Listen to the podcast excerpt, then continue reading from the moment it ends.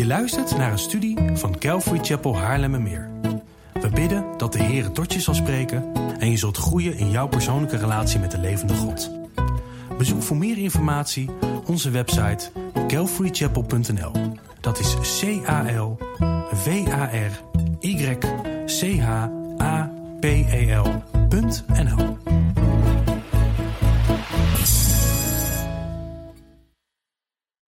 Nou, goedemorgen en eh, nogmaals hartelijk welkom bij deze prachtige eredienst waarin we Jezus Christus mogen eren.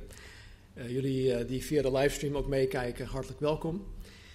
Ehm, even een vraagje waarmee ik wil beginnen. Wie van jullie hebben onlangs een, een magazine via de post ontvangen van een zekere Jaap Dieleman? Het magazine heet Eye Opener. Eén, twee, Oh, wat goed. Alleen maar twee. Oké, dan zijn de rest van jullie bespaard. Um, goed, ik ga daar verder niet op in. Maar ik wil wel melden dat ik de eerstvolgende keer dat ik preek uh, het ga hebben over onder andere de tekenen van de eindtijd. Wat die wel zijn en wat die niet zijn vanuit uh, Marcus en uh, Matthäus op wat andere plekken. En ik ga ook gelijk weer leggen wat er momenteel, wat er momenteel rondgaat. Ehm, namelijk en misschien hebben jullie hier niks van gehoord, maar dat lijkt me sterk. Uh, namelijk dat het vaccin het merkteken van het beest uit uh, openbaring 13 eventueel zou kunnen zijn. Uh, dat maakt heel veel mensen onrustig. Het, het, het ja, veroorzaakt heel veel verwarring. Dus daar wil ik het de komende paar keren ook over gaan hebben. Maar eerst pakken wij de, de preekserie Route 66 vandaag op. Waarin wij elk Bijbelboek in vogelvlucht met elkaar doornemen om ja, de verbanden erin te gaan zien uh, door de hele Bijbel heen. Zodat we uiteindelijk geestelijk zullen gaan groeien naar volwassenheid toe. Geestelijke volwassenheid. En um, ja, zodat wij geheiligd gaan worden. Zodat we meer op Jezus Christus gaan lijken. Uh, Jezus Christus in zijn hoogpriestelijk gebed in Johannes hoofdstuk 17 vroeg aan zijn vader, Heer, Vader, heilig hen, hij had het over zijn discipelen, heilig hen door uw waarheid. Uw woord is waarheid. Dus dat, dat is dan ook de, de insteek dat wij elke keer hebben wanneer wij de Bijbel met elkaar openen. Is dat wij samen door het woord van God gewassen en geheiligd worden.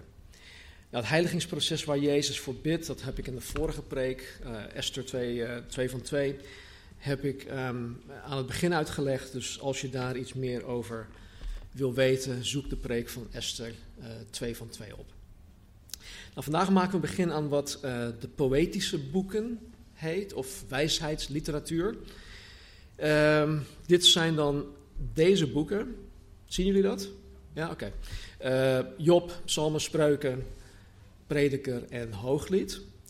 Wij hebben uh, de Torah en de historische boeken nu afgerond.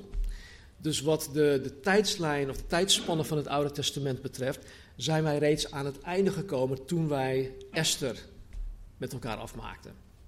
We gaan nu dus niet verder in de tijdlijn, want anders, want ja, dan zitten we in het Nieuw Testament. Dus we gaan niet verder in de tijdlijn, maar we blikken terug als het, ja, uh, we blikken terug, zoals we dat uh, een keertje met kronieken ook hebben moeten doen. Nou, de poëtische boeken, die, um, die behelzen een, een, best wel een, lange tijdspanne van zo'n 1500 uh, 75 jaar. Vanaf de, de aartsvader Abraham tot aan de tijd van Nehemia. Uh, even kijken of ik die slide ook heb. Volgens mij is dat deze.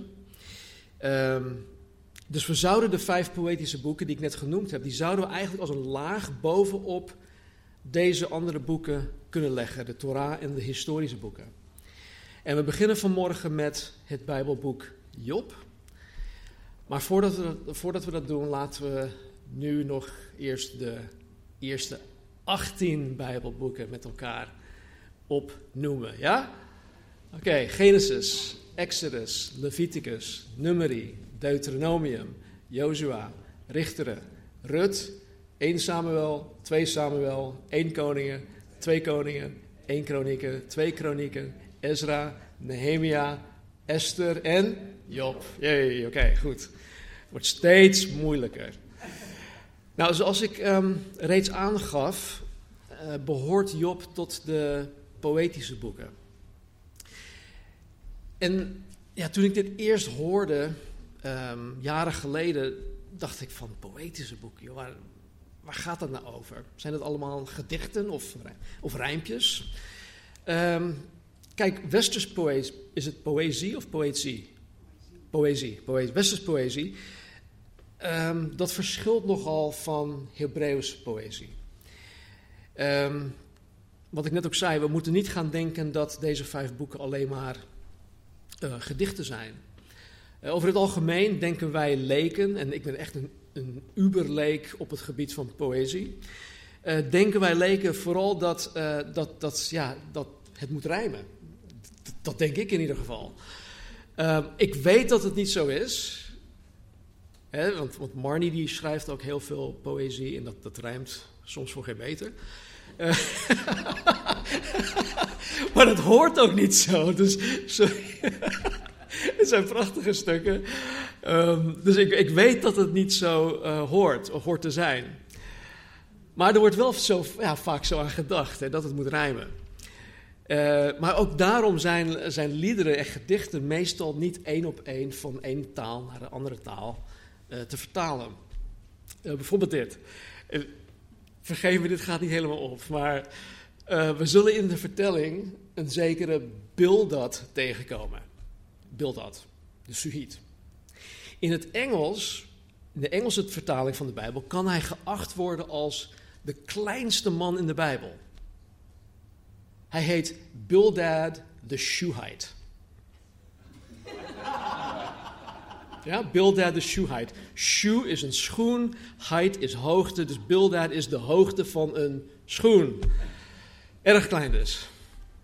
Maar dat kan je dus nooit één op één vertalen, want in het Nederlands heet hij Bildad de Suhit. Het woord Suhit heeft gewoon niks te maken met schoenen of met hoogte.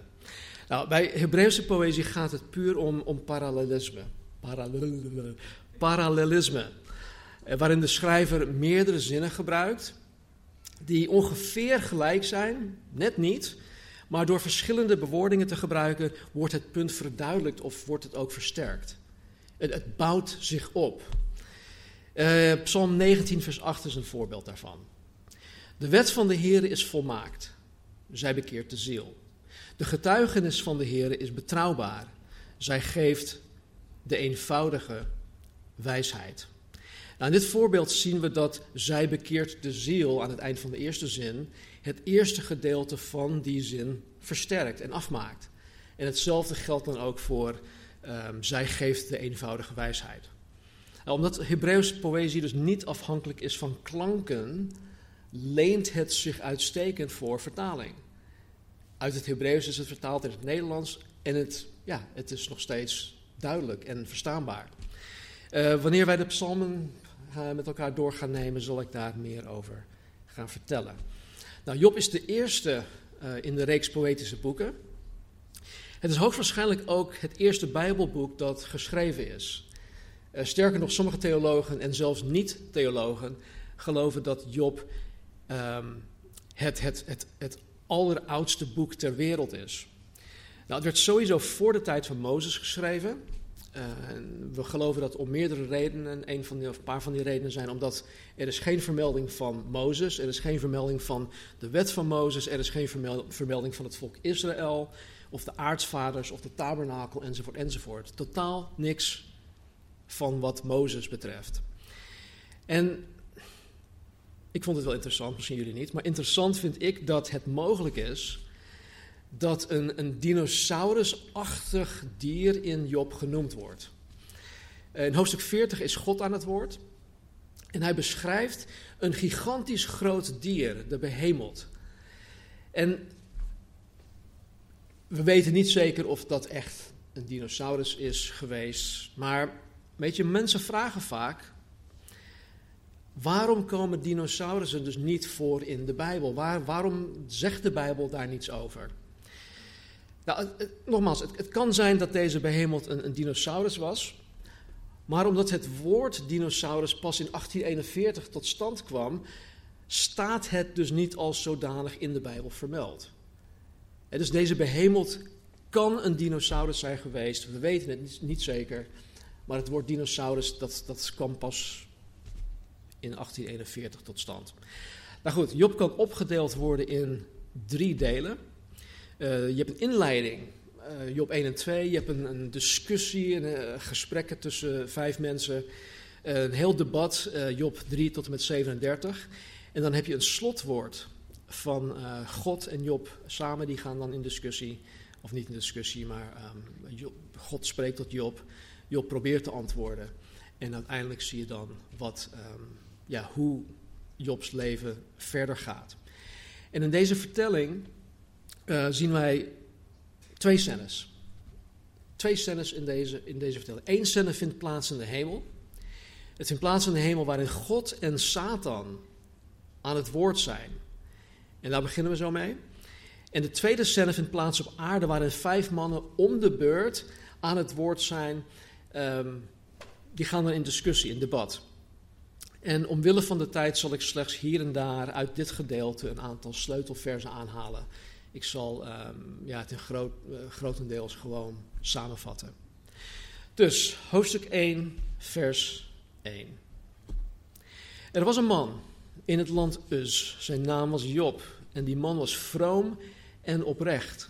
Hij was godvrezend en keerde zich af van het kwaad. Er werden zeven zonen en drie dochters bij hem geboren.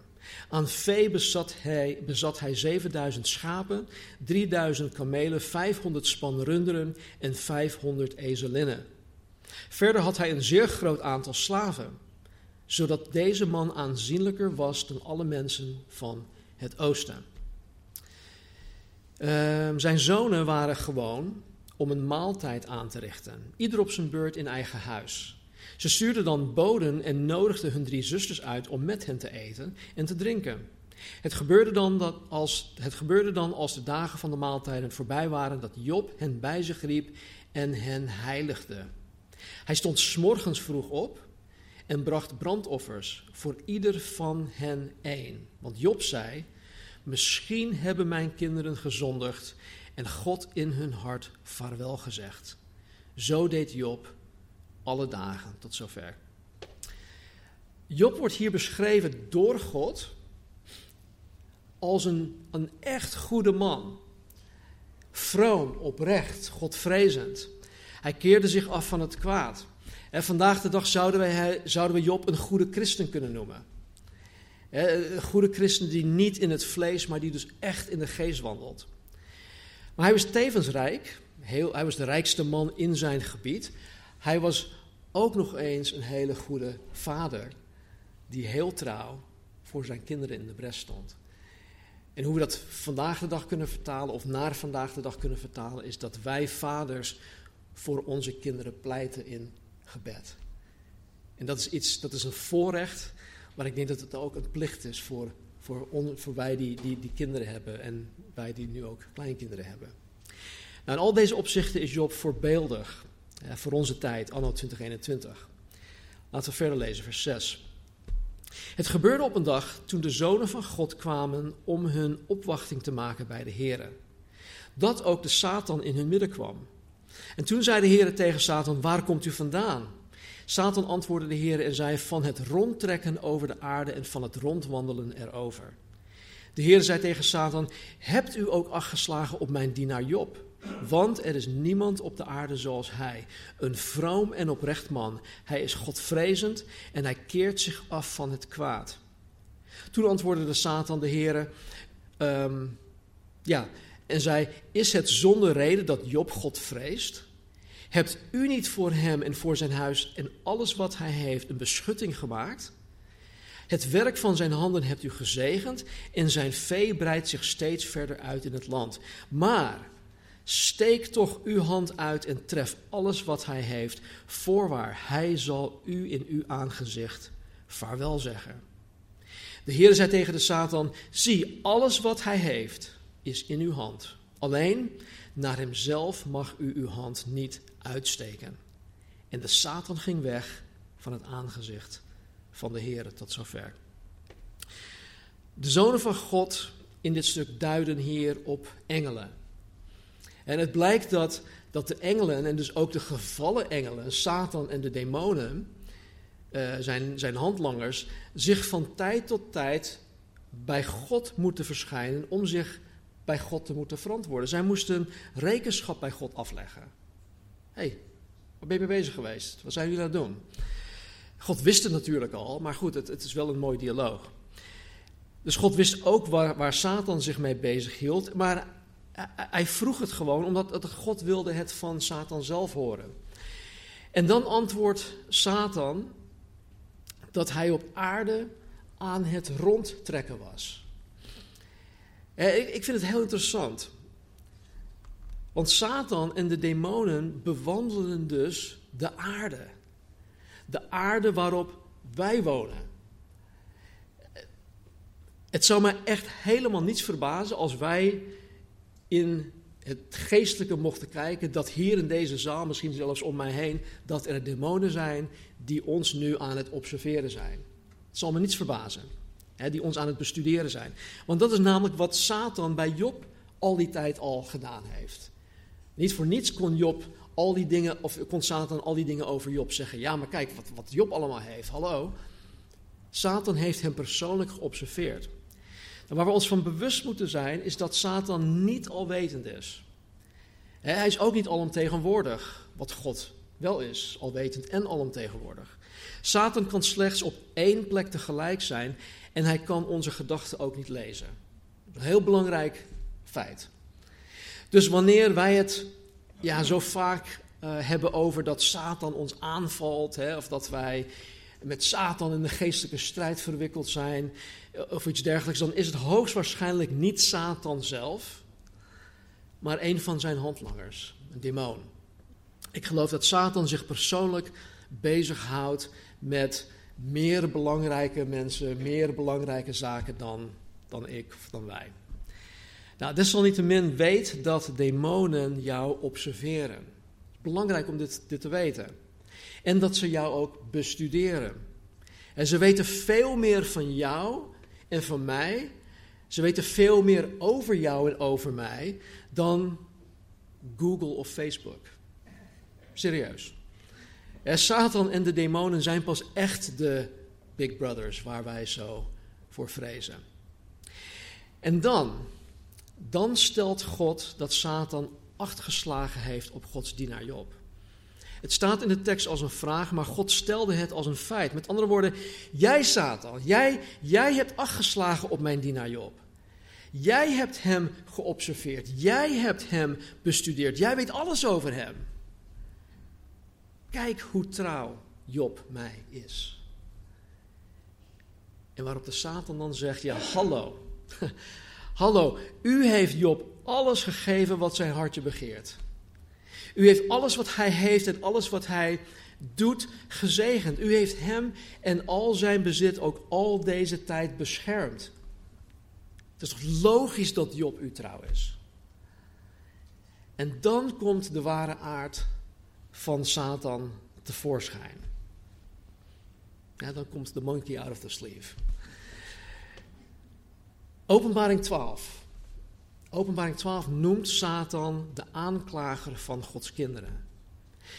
En dit is precies wat Satan op dit moment aangaande Job aan het doen is. Hij zegt tegen God: Neem alles wat Job dierbaar is van hem af, en hij zal u zeker in uw gezicht vervloeken.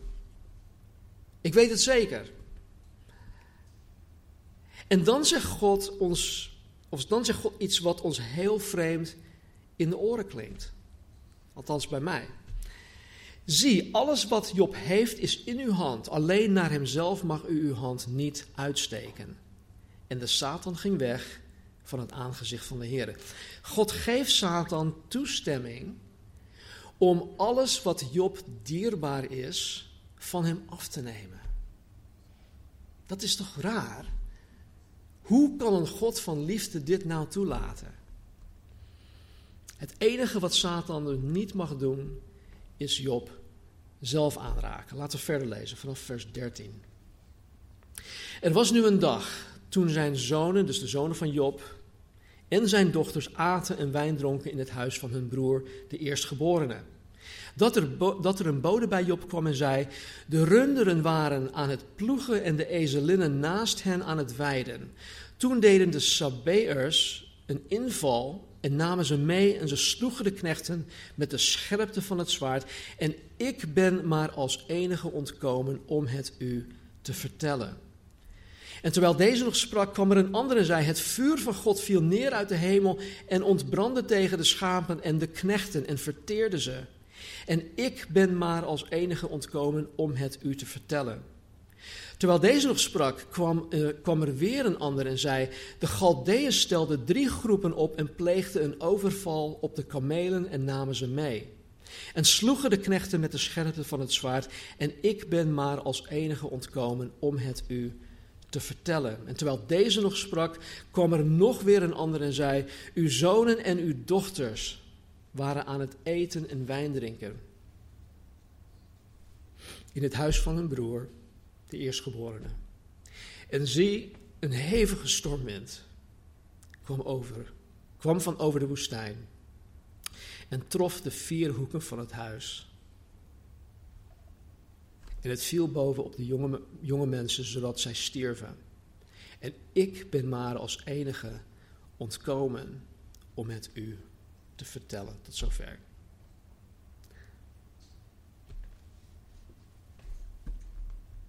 Job is in één keer al zijn bezit, al zijn kinderen kwijt.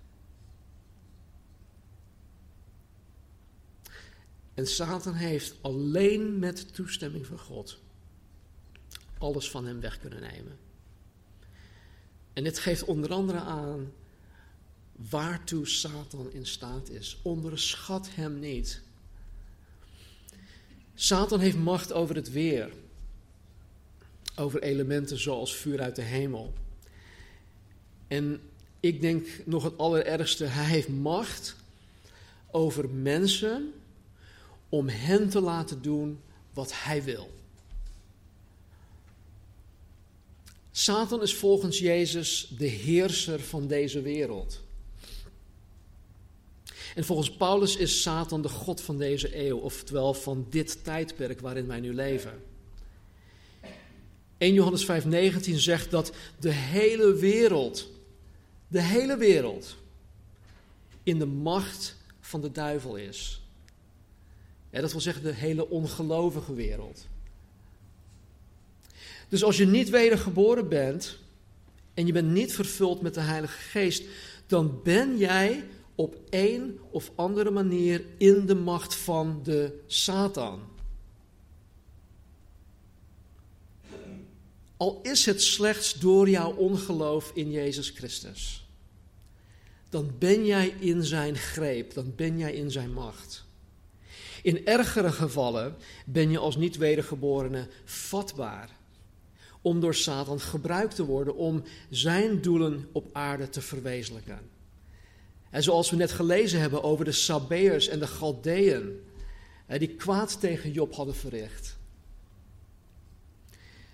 Dus behalve zijn vrouw is Job letterlijk alles kwijt.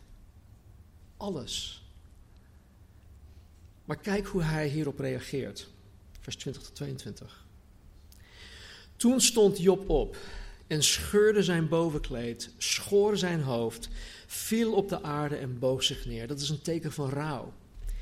En hij zei: Naakt ben ik uit de buik van mijn moeder gekomen en naakt zal ik daarheen terugkeren. De Heere heeft gegeven en de Heere heeft genomen. De naam van de Heere zij geloofd. Blessed be the name of the Lord. We hebben het net gezongen.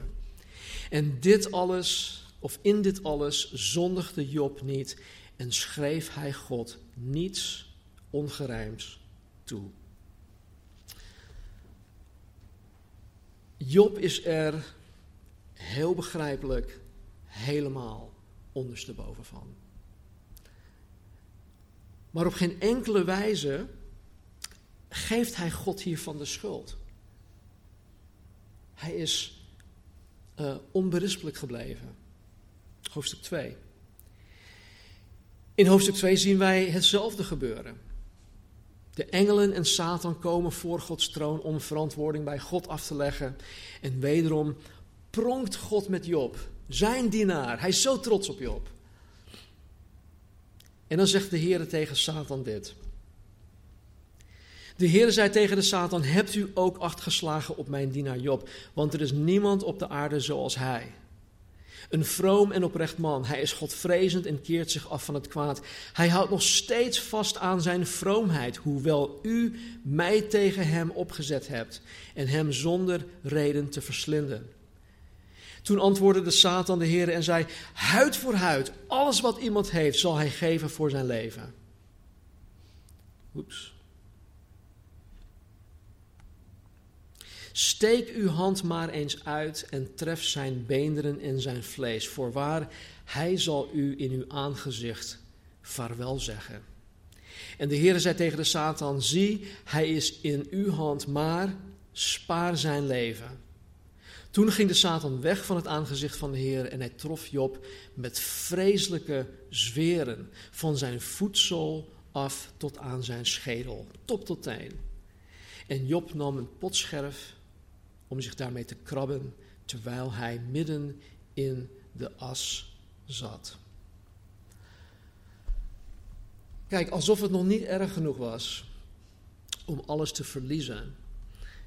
Nu wordt Job van top tot teen getroffen met vreselijke zweren. Zweren die blijkbaar heel erg jeukten, want hij gebruikte een, een scherf van een gebroken pot om zichzelf daarmee te krabben. Ik kan me daar niks bij voorstellen.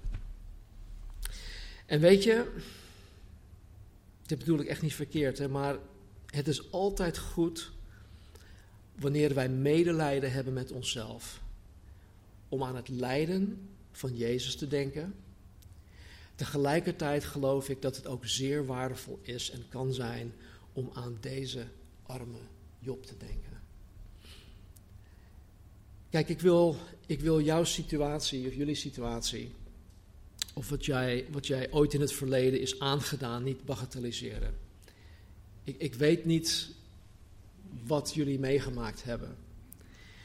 Maar ik geloof oprecht dat wat ons tot heden is overkomen, niet te vergelijken is met wat Jezus meegemaakt heeft. En dat het ook niet te vergelijken is eh, met, met wat Job allemaal te lijden had. Kijk, gelukkig kan ik me er niets bij voorstellen hoe erg Job had moeten lijden.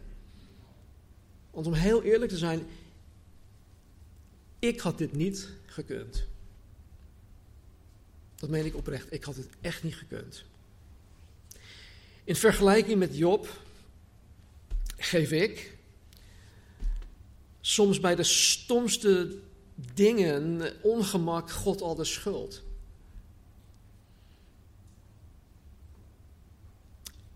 En ik haat, ik haat echt dat ik zo in elkaar zit. Maar daarom heeft God ons het Bijbelboek Job gegeven.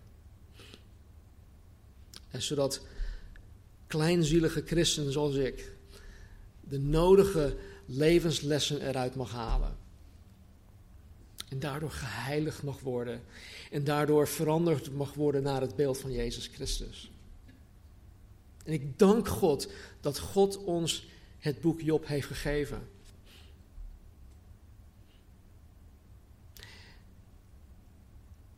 En weet je, toen ik hiermee bezig was, jaren geleden, toen ik het voor het eerst las, is bij mij ooit de vraag opgekomen: waarom heeft Satan al het bezit van Job afgenomen, al zijn kinderen, maar niet zijn vrouw?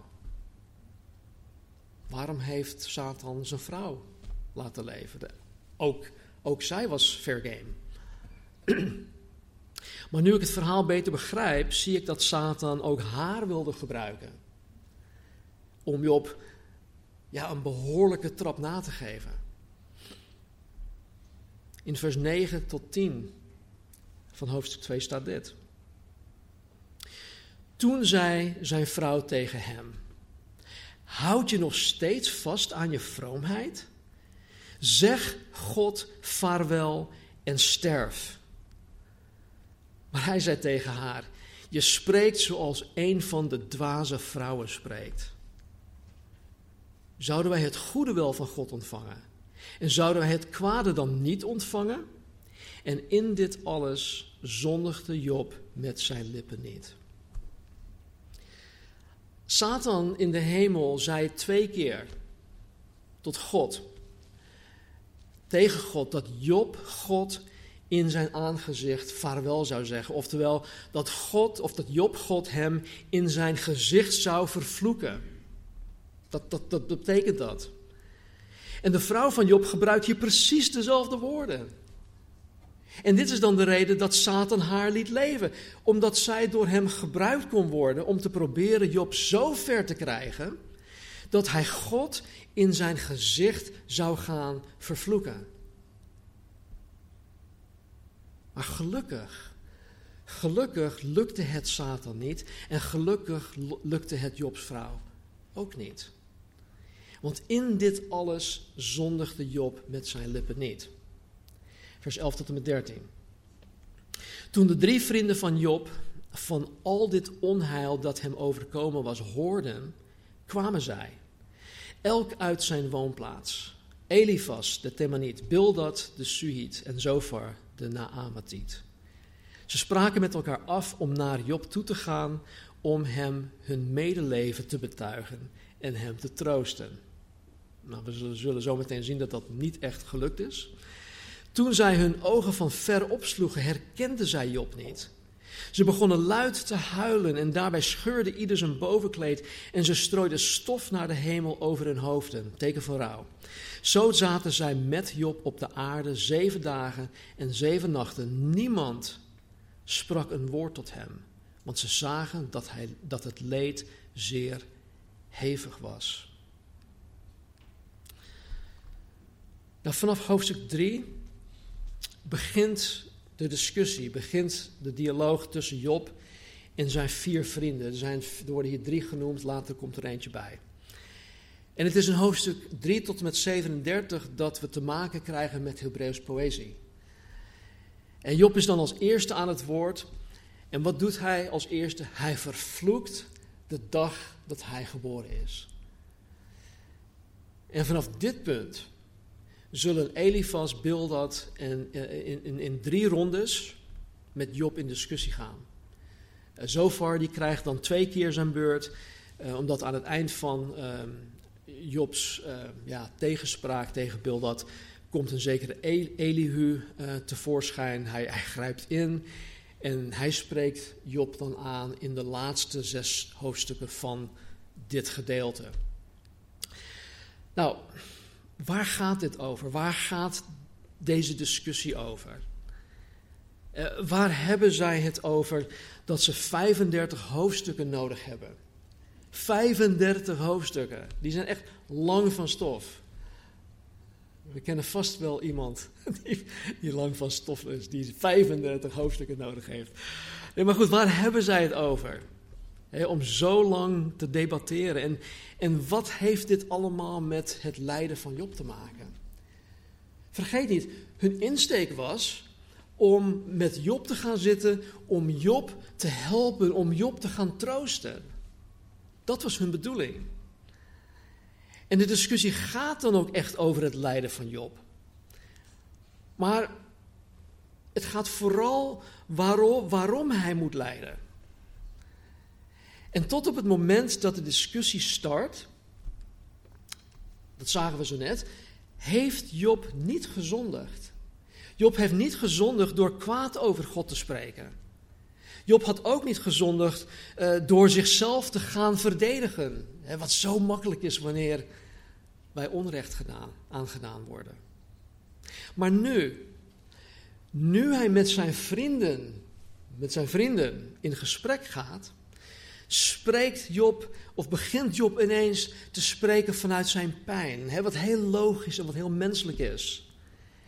En zelfs in die pijn heeft, heeft Job momenten waarin hij zijn geloof, in, waar hij zijn geloof in God en zijn vertrouwen op God op een bijzondere wijze uitspreekt. In Job 13, 15 staat dit. Hebben we ook net gezongen. Al wil hij mij doden, ik blijf op hem hopen. Though he slay me, yet will I trust him. Wat een prachtig iets dat een mens kan zeggen, vooral in die situatie. Maar na verloop van tijd, na de uitspraken van zijn drie vrienden, komt er een, een, keerpunt in hoe Job zijn situatie ziet. En in plaats van dat hij zijn hoop en vertrouwen op God vasthoudt, begint hij zichzelf te verdedigen. Hij begint zichzelf te rechtvaardigen. Sterker nog, hij gaat zelfs nare dingen over God zeggen. Op een gegeven moment in de discussie klaagt hij dat, alhoewel hij God zo ernstig aan het zoeken is, God nergens te vinden is. En dat God hem niet eens aanhoort, dat hij als het ware dat zijn gebeden tot het plafond komen en niet verder. Ook zegt Job ineens tot meerdere malen toe dat God hem aan het straffen is. Terwijl het totaal niet juist is, totaal niet waar is. En uiteindelijk komt Job tot de foute conclusie dat God de goddelozen doet floreren en, en doet bloeien en dat God hen zegent, maar dat God hem, dus Job, zonder reden zomaar links laat liggen en straft. Kijk, wat we hierin absoluut niet moeten missen, is dat Job deze dingen vanuit zijn hart niet uitspreekt in een vacuüm. Zijn drie vrienden pushen Job vanuit hun eigen onwetendheid. Zij weten niet dat hoofdstuk 1 en 2 plaats hebben gevonden. En Elifas die, die vertrouwde op zijn ervaringen en op zijn waarnemingen. En tot meerdere malen toe zei hij tegen Job dat hij, dat hij ziet of dat hij gezien heeft. Hij zegt bijvoorbeeld in, in, in hoofdstuk 4: Denk er toch aan, Job. Wie is ooit als onschuldige omgekomen? Dat is in zijn beleving.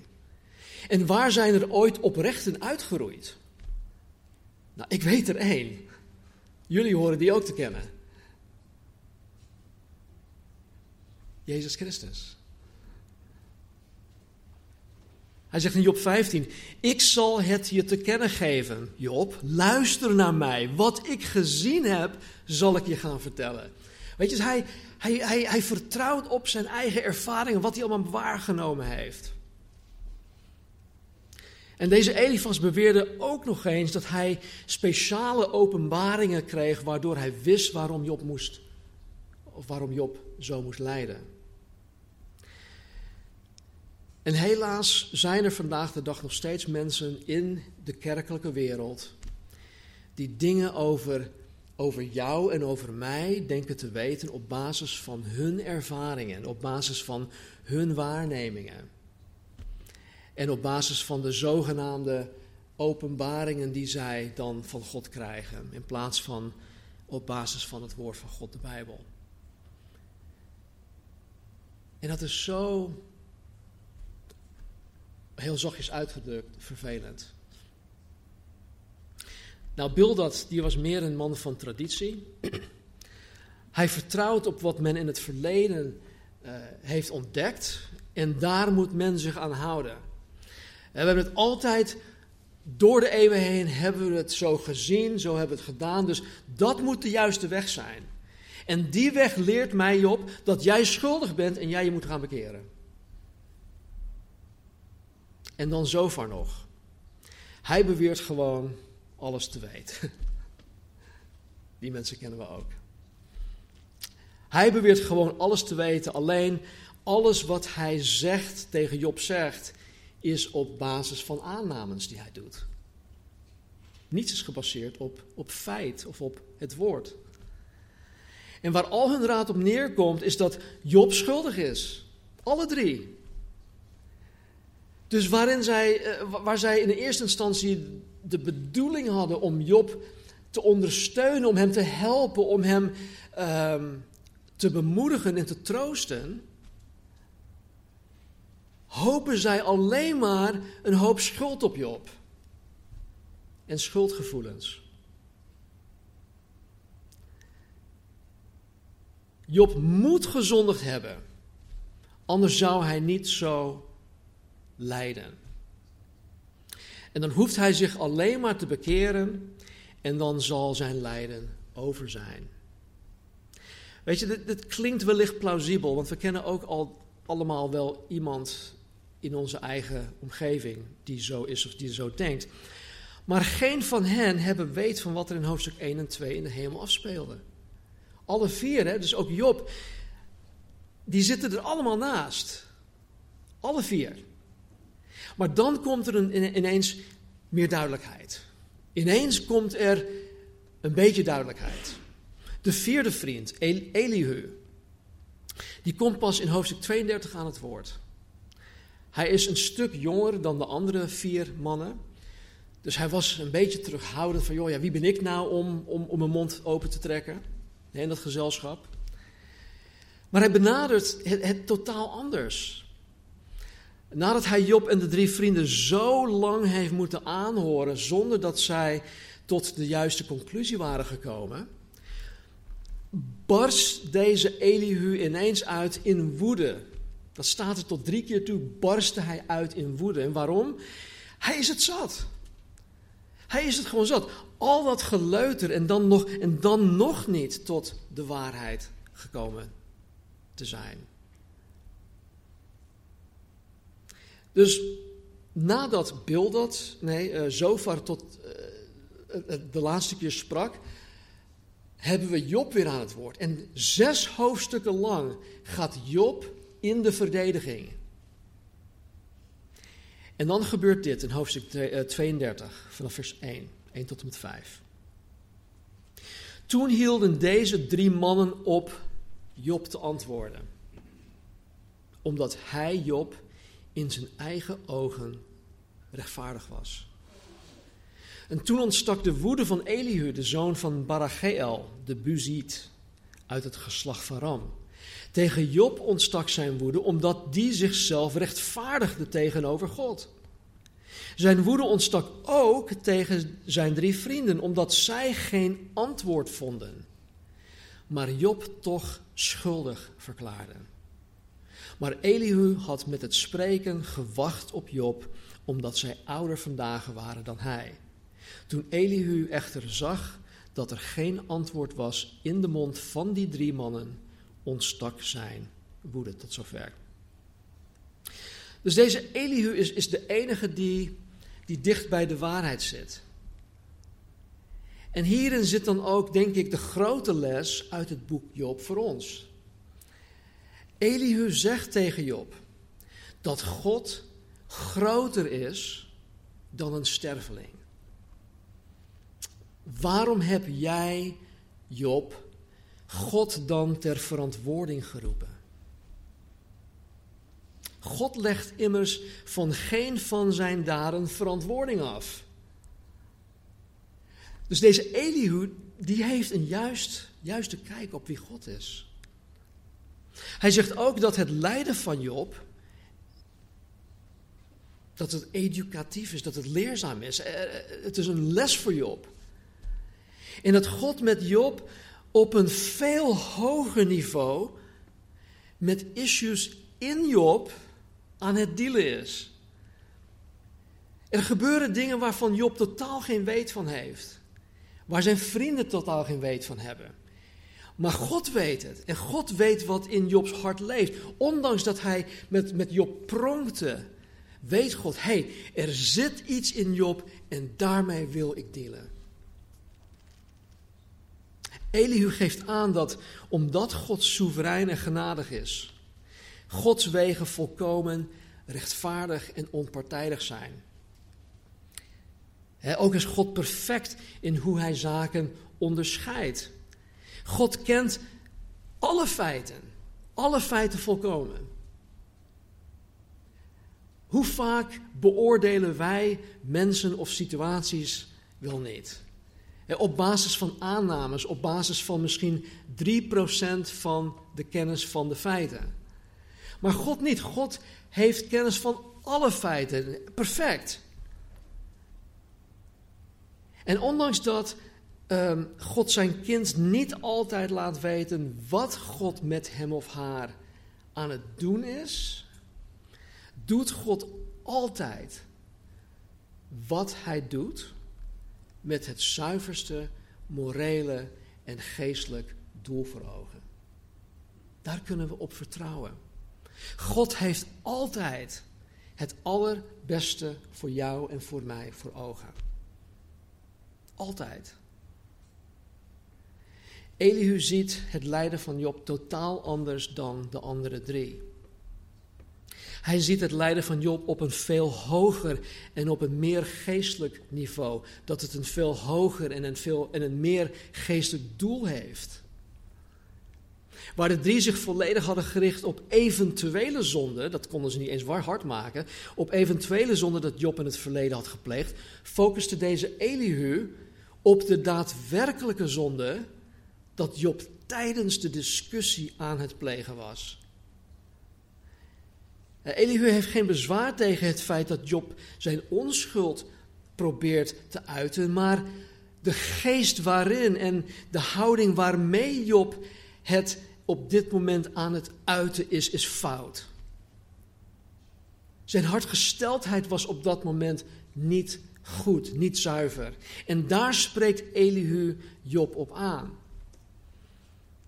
Elihu zag dat het lijden van Job niet per se bestraffend was, God strafte hem niet, maar dat het corrigerend was. En zo moest Job, hij, zo moest Job het zien zoals Elihu dat zag. Er was veel meer eh, eh, gaande dan, dan alleen Jobs lijden. Hoofdstuk 38 tot en met 42. In deze laatste hoofdstukken komt God zelf aan het woord. Tussendoor heeft Job nog een, aantal dingen te zeggen. Maar voornamelijk is God hier aan, aan het woord. En hierin maakt God onoverkomelijke argumenten. Niet over het lijden van Job. God gaat niet eens in op het lijden van Job. Weet jullie nog toen uh, Nicodemus in hoofdstuk 3 van Johannes Evangelie naar Jezus toe kwam? S'avonds kwam hij naar Jezus toe. Hij wilde ongemerkt een gesprek aangaan met Jezus. En Nicodemus die zegt tegen Jezus: Jezus, wij weten dat u een leraar bent die van God gekomen is, want niemand kan, niemand kan de dingen doen die u doet. Jezus gaat niet eens in op wat hij daar zegt, wat Nicodemus zegt. Jezus zegt, tenzij iemand wedergeboren is, kan hij het koninkrijk van God niet zien. Jezus die gaat meteen naar de kern van de zaak. En dat doet God hier ook. Het lijden van Job is niet, daar gaat het niet om. Dat is niet de kern van Jobs probleem. Dus God komt hier met onoverkomelijke argumenten niet over het lijden van Job, maar over wie hij zelf is. Wie God is. Waartoe God in staat is. En hoe Job zichzelf moet gaan zien in het licht van wie God is. Kijk, de enige manier, de enige manier om een zuiver zelfbeeld te krijgen, is niet door dingen op te gaan schrijven, door die psychologische ehm, testen te doen. dat je een bepaald persoonlijkheid hebt. Nee. Dat is niet de beste manier om zelfkennis te krijgen. Dat is niet de beste manier om een zuiver zelfbeeld te krijgen. Nee, de enige manier om een zuiver zelfbeeld te krijgen, zelfbeeld te krijgen is wanneer wij onszelf zien in het licht van wie God is. In het Lucas-evangelie. Op een gegeven moment was Jezus met Petrus in de boot, waren aan het vissen. Althans, Petrus was aan het vissen. En op een gegeven moment krijgt Petrus het ineens door wie hij met zich in de boot heeft. Hij kende Jezus al, want hij heeft al, die tijd al met Jezus opgetrokken, maar ineens valt het kwartje. En hij krijgt door, Jezus, u bent de Messias, U bent God. U bent God. En wat doet Petrus? Hij gaat niet zeggen van, hé, hey, halleluja, ik ben in de boot met Jezus, met God. Nee, wat doet hij? Toen Petrus dat doorkreeg, zei hij dit. Hij zei, Heere, ga weg van mij, want ik ben een zondig mens. Hetzelfde wat Jesaja meegemaakt had. Ik ben een man van onreine lippen. Die les had Job ook moeten leren. Kijk, Job was een goed mens, begrijp niet verkeerd. In hoofdstuk 1 en 2 pronkte God met zijn dienaar Job. En maar hoe goed Job ook was, wilde God uit liefde voor Job hem tot een hoger geestelijk niveau tillen. Wat ik net ook zei, God heeft alleen maar het allerbeste voor ogen voor zijn kinderen. En de enige manier om Job tot een hoger geestelijk niveau te kunnen tillen, was door het lijden. Dat is de enige weg. En dat geldt ook voor jou en dat geldt ook voor mij. Ja, Job was een goed mens. Maar hoe goed Job ook was, hij was een gevallen mens, geboren in Adam, geboren na de zondeval in Genesis hoofdstuk 3. En hij was een zondig mens, hoe je het ook bent of keert. En uit liefde voor Job wilde God Job heiligen. God wilde Job nog beter maken dan, dan dat hij al was. En dat wil God ook met jou met mij. God wil ons niet in al onze rotzooi laten zitten. Hij wil ons eruit tillen. En hij wil ons verbeteren. Hij wil ons heiligen. Hij wil dat wij dat de gestalte van Jezus Christus in ons komt. En het lukte Satan niet om Job God te laten vervloeken. En tot op het moment dat Job in discussie ging met zijn vrienden, had hij nog niet met zijn lippen gezondigd. Ondanks dat hij alles kwijt was en ook nog eens van top tot teen onder de zweren zat. Maar wat nodig was, niet voor God, niet voor zijn vrienden, maar wat nodig was om Job zelf in te laten zien dat er wel zonde in zijn hart verborgen zat, waren zijn onwetende vrienden. Dus God gebruikte die onwetende vrienden om Job te laten zien dat er in Job nog steeds verborgen zonde zat.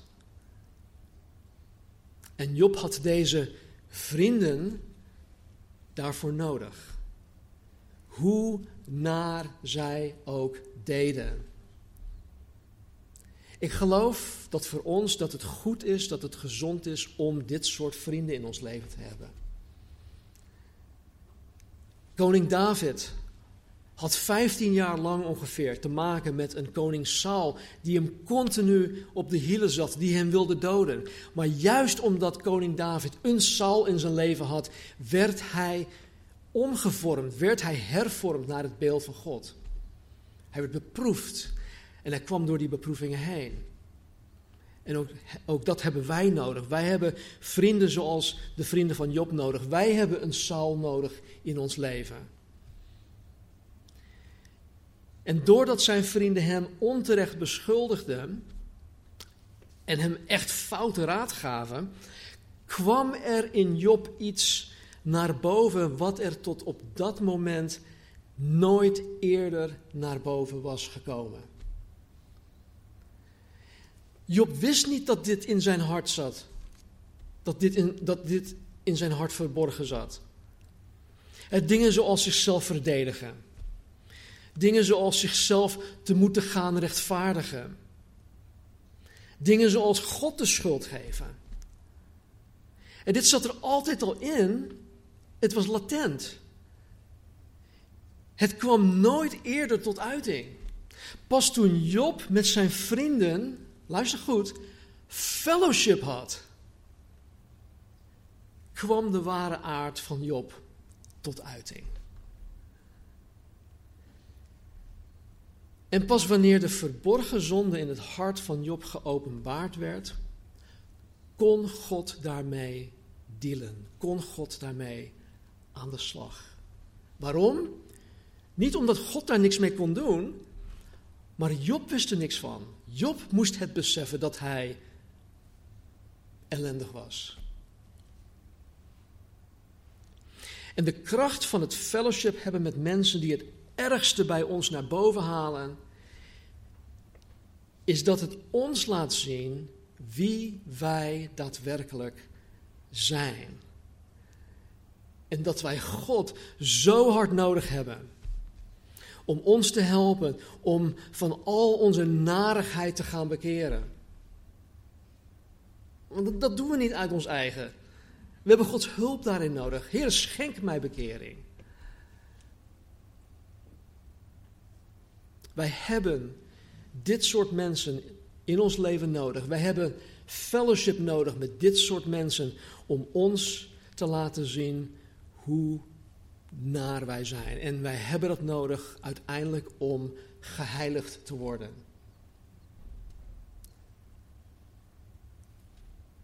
Het uiteindelijk doel van het lijden van Job was om Job tot het einde van zichzelf te brengen.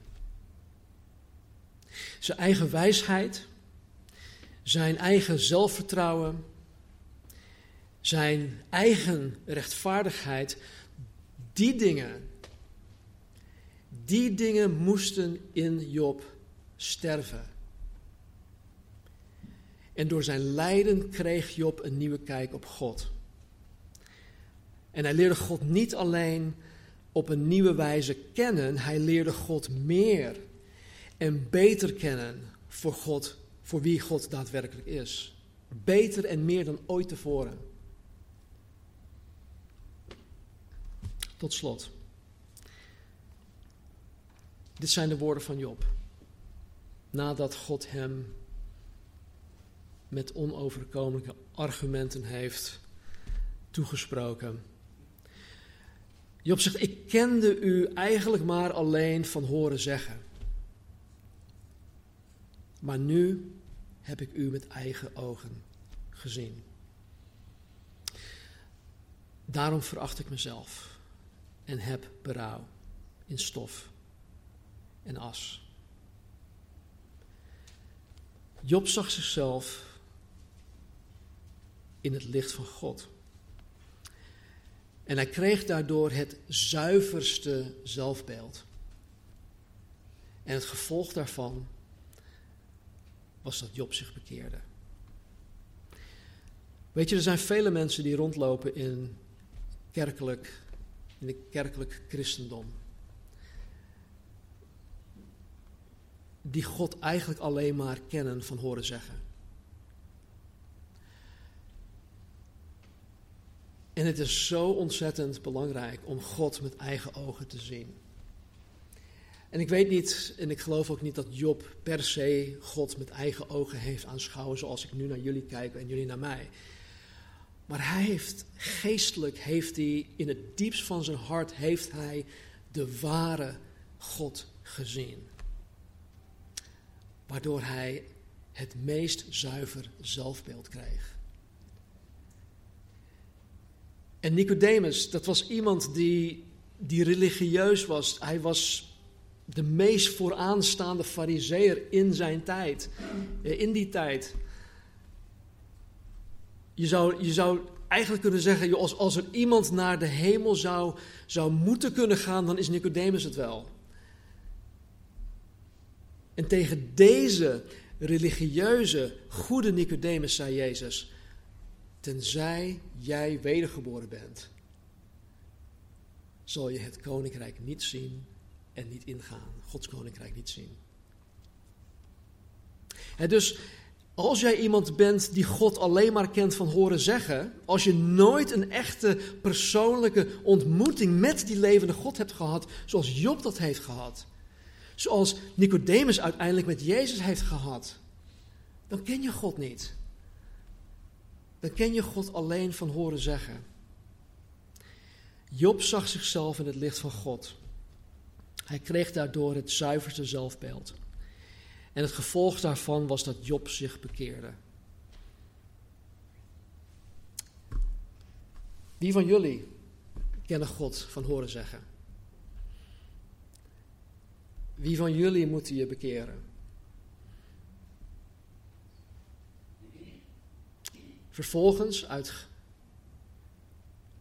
um, uit Gods onvrede jegens Elifas, Bildad en Zofar, liet God hen brandoffers naar Job toebrengen. Die dan ook gelijk voor hen moest bidden. En dan staat er iets zo moois. Nadat Job voor zijn vrienden gebeden had, herstelde God Job. En God vermeerderde alles wat Job bezat tot het dubbele toe. Kijk, ik, ben geen prediker van het welvaartsevangelie, dus denk niet dat wij hier aan deze kant van de eeuwigheid tot het dubbele toe van Gods dingen zullen gaan ontvangen. Het kan, maar het hoeft niet zo te zijn. Dus waarom moeten wij als Gods kinderen lijden? Omdat God ons tot een, een hoger geestelijk niveau wil tillen. Voor ons eigen bestwil. Omdat God ons wil heiligen. Omdat God ons wil vormen naar het beeld van Christus. God wil ons verbeteren. Wij kunnen onszelf niet verbeteren. God kan het en hij wil het. En in samenwerking, zolang ik mij, mij overgeef aan die knedende hand waar we over gezongen hebben, zal God dat werk in ons doen. En zoals God Job had hersteld en alles dat Job bezat vermeerderde, hebben wij, wij die Jezus Christus navolgen, wij die wedergeboren zijn, wij hebben de levende hoop op de eeuwigheid. De eeuwigheid waarin wij exponentieel meer zullen gaan krijgen dan wij ooit hier in dit tijdelijk leven hebben gehad.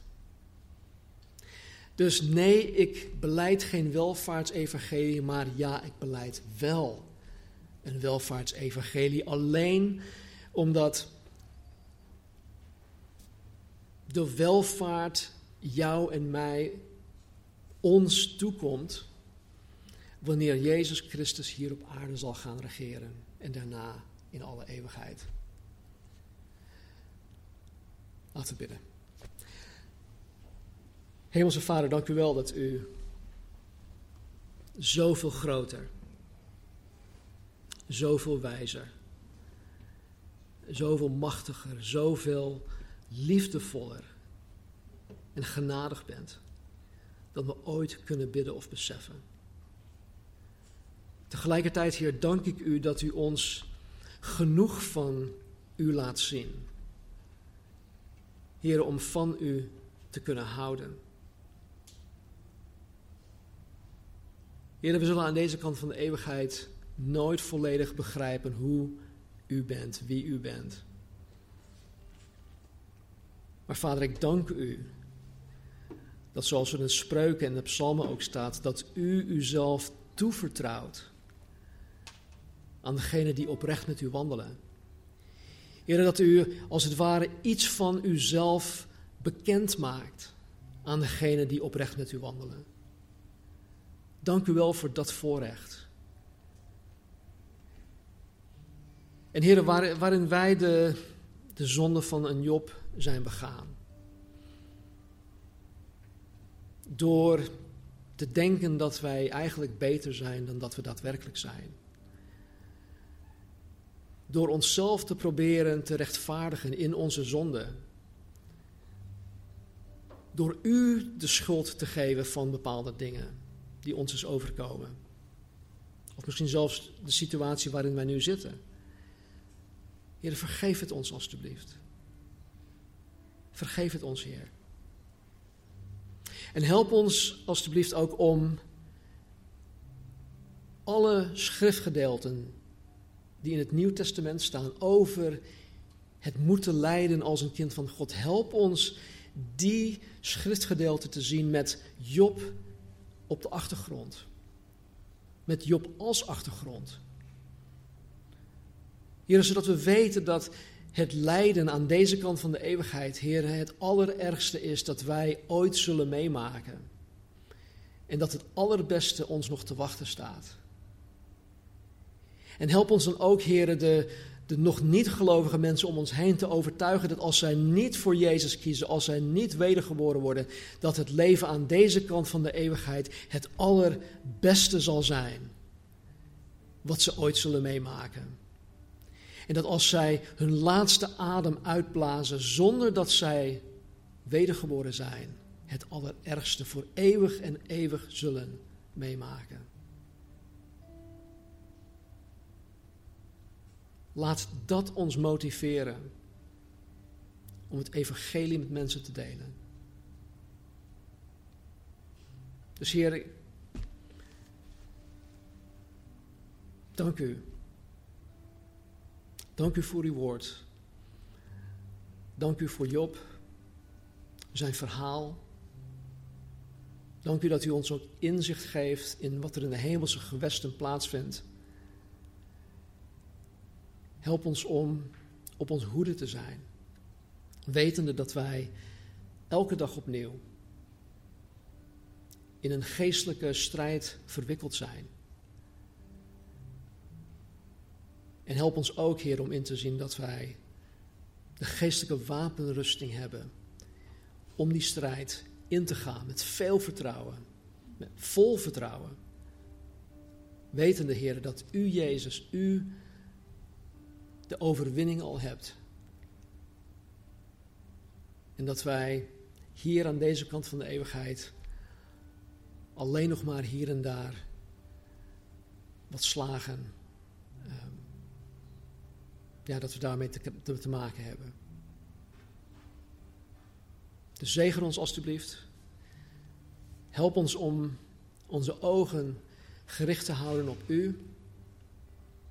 Dank u wel dat Job ook op een gegeven moment zegt in zijn betoog, was er maar iemand die zijn hand op God kon leggen en zijn hand tegelijkertijd op mij. Een, een middelaar. En Heer, dat is de, de hulpkreet van de mensheid. Dat er iemand is die die, die die kloof kan overbruggen tussen de heilige God en het en zondig mens. En ik dank u, Vader, dat u Jezus Christus hebt gegeven die die kloof kan overbruggen. Dus als jij je leven nog niet aan de Heer Jezus hebt gegeven, als jij nog steeds je eigen ding doet, of dat je misschien dat je denkt een goed mens te zijn, of dat je denkt dat je op basis van horen zeggen God kent Bid God, smeek God dat Hij jouw bekering zal schenken. Geef je leven nu, op dit moment, vandaag aan de Heer Jezus Christus, want nu is de dag van de redding. We weten niet of wij morgen nog zullen krijgen. Dank u, Vader. In Jezus' naam bidden wij. Ik denk, dat, ja, ik denk dat het eh, aanbiddingsteam nog een paar liederen gaat zingen ter afsluiting. Ik wil nog wel afsluiten met één stukje uit Hebreeën hoofdstuk 12. Um, Jonas, I don't know if you have it, but um, Hebrews 12, verse 1 through, um, through 2. Wel nu dan, laten ook wij, nu wij door zo'n menigte van getuigen omringd worden, afleggen alle last en de zonde die ons zo gemakkelijk verstrikt. En laten wij met volharding de wedloop lopen die voor ons ligt. Terwijl wij het oog gericht houden op Jezus, de leidsman en voleinder van het geloof. Hij heeft, om de vreugde die hem in het vooruitzicht was gesteld, het kruis verdragen en de schande veracht en zit nu aan de rechterhand van de troon van God. God zegen jullie. Wees lief voor elkaar. als jullie vragen hebben, dan ben ik hier om jullie vragen te beantwoorden als het kan. Maar ga niet weg zonder je vragen beantwoord te hebben. Dus ik wens jullie een zegende, gezegende week toe. En vraag God om zichzelf aan jou op een bijzondere wijze te openbaren. Zodat ook jij, zoals Job kan zien, kan zeggen: Misschien heb ik u al die tijd alleen maar leren kennen van horen zeggen, maar nu heb ik u met eigen ogen gezien. Bid dat God zichzelf aan jou laat zien. Dankjewel.